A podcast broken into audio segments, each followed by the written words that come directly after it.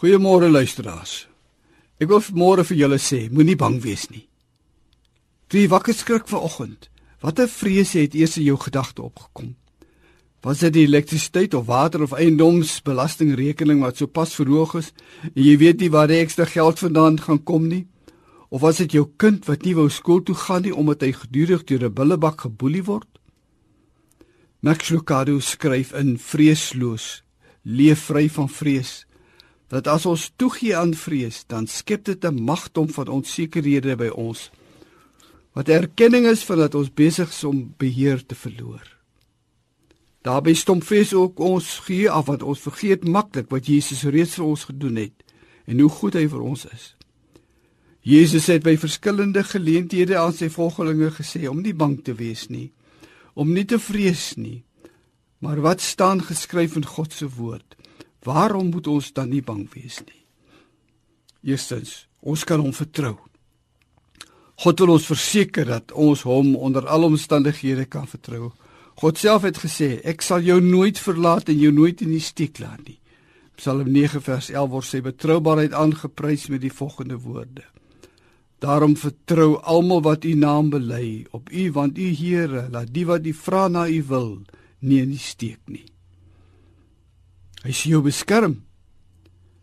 Hy staan ons in ons krisisse by want hy is groter as enige krisis wat ons ook mag beleef. Hy sal jou nie net uit jou krisis uitlei nie, ook sal hy vir jou 'n skuilplek wees waar jy veilig sal voel. Omdat hy my liefhet, sal ek hom red. Omdat hy my ken, sal ek hom beskerm. As sien ons in Psalm 91 vers 14. Dan sy liefde verdryf vrees. Ons moet ook nie bang wees nie want God wil vir ons vrede gee sodat geen slegte omstandighede ons meer kan ontstel nie. Ook sê die Here vir ons, hy is altyd in beheer. sien jy soms nie kans vir die uitdagings en probleme wat vir jou by die werk wag nie. En jy sommer lus is om musiek te speel en elke dag in die bed te bly met 'n kombers oor jou kop getrek. Jy voel so omdat jy vergeet die Here se beheer en dat jy nie hoef op eie krag en insig al die besluite te neem nie. Hy is altyd daar om ons ons die regte pad te laat loop as ons hom ken in alles wat ons doen. Ook sê die Here hy sal ons nooit alleen laat nie.